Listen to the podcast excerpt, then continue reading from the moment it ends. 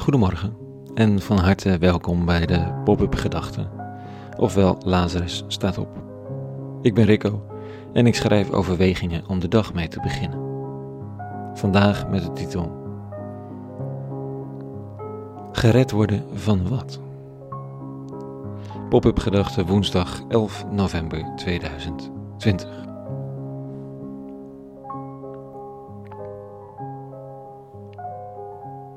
Als het soms te druk is in het hoofd, wil je gewoon rust, meer niet. Als het niet loopt op je werk, wil je dat het weer goed komt. Als je ziek bent geworden, wil je genezen. Dat zou je redding zijn. Als je moet verhuizen, wil je een huis vinden. Als je diep ongelukkig wordt van het alleen zijn, wil je een partner. We hebben met regelmaat, een, met regelmaat een vrij helder beeld van wat we nodig hebben. Een soort verlanglijstje. En dat bedoel ik niet oppervlakkig, want het kan diep gaan, pijn doen, moeite kosten en diep hartsverlangen zijn.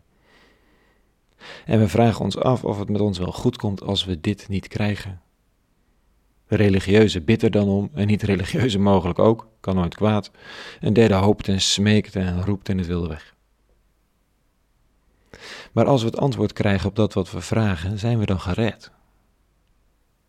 Als we midden in een situatie zitten, denken we altijd 100% ja in het echte leven begint natuurlijk het gedoe pas als je die partner gevonden hebt. Is er onwijs veel dankbaarheid als je dat nieuwe huis hebt, maar heb je heb, hebt dat ook zomaar weer weg, omdat er een nieuwe uitdaging uh, je het zicht op de toekomst ontneemt. Toen je ziek was, dacht je dat je het dan werkelijk allemaal anders zou gaan doen als je beter was geworden. In de praktijk van het gezond zijn is de ziekte en de genezing soms zomaar weer een vage schaduw.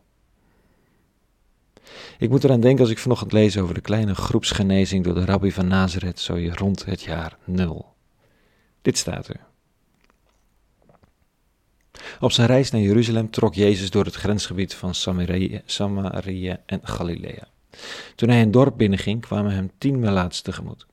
Ze bleven op een grote afstand staan en riepen luidkeels: Jezus, meester, ontferm je over ons.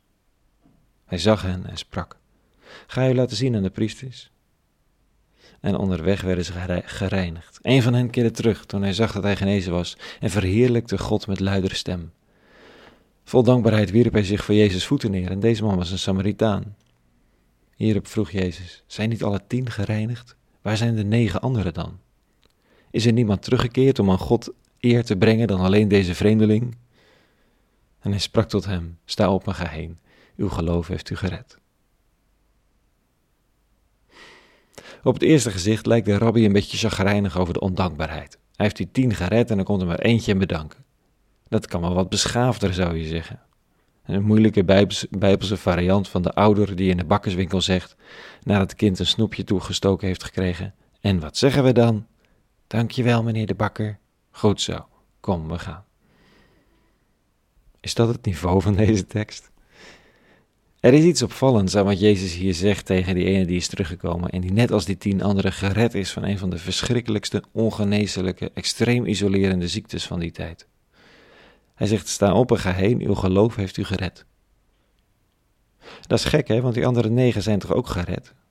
Hij was toch al gered toen hij gezond werd verklaard door de priester? Ja, dat is dus nog maar de vraag.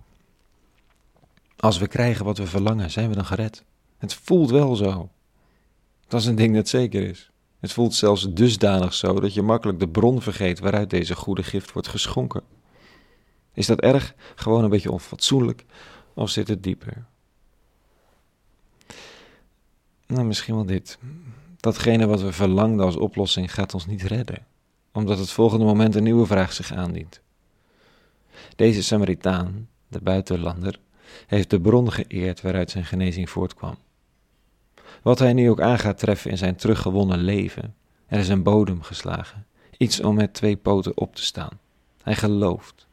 Niet zomaar in het wilde weg, maar hij beseft dat hij is gezien, geliefd, dat hem iets unieks is gegeven.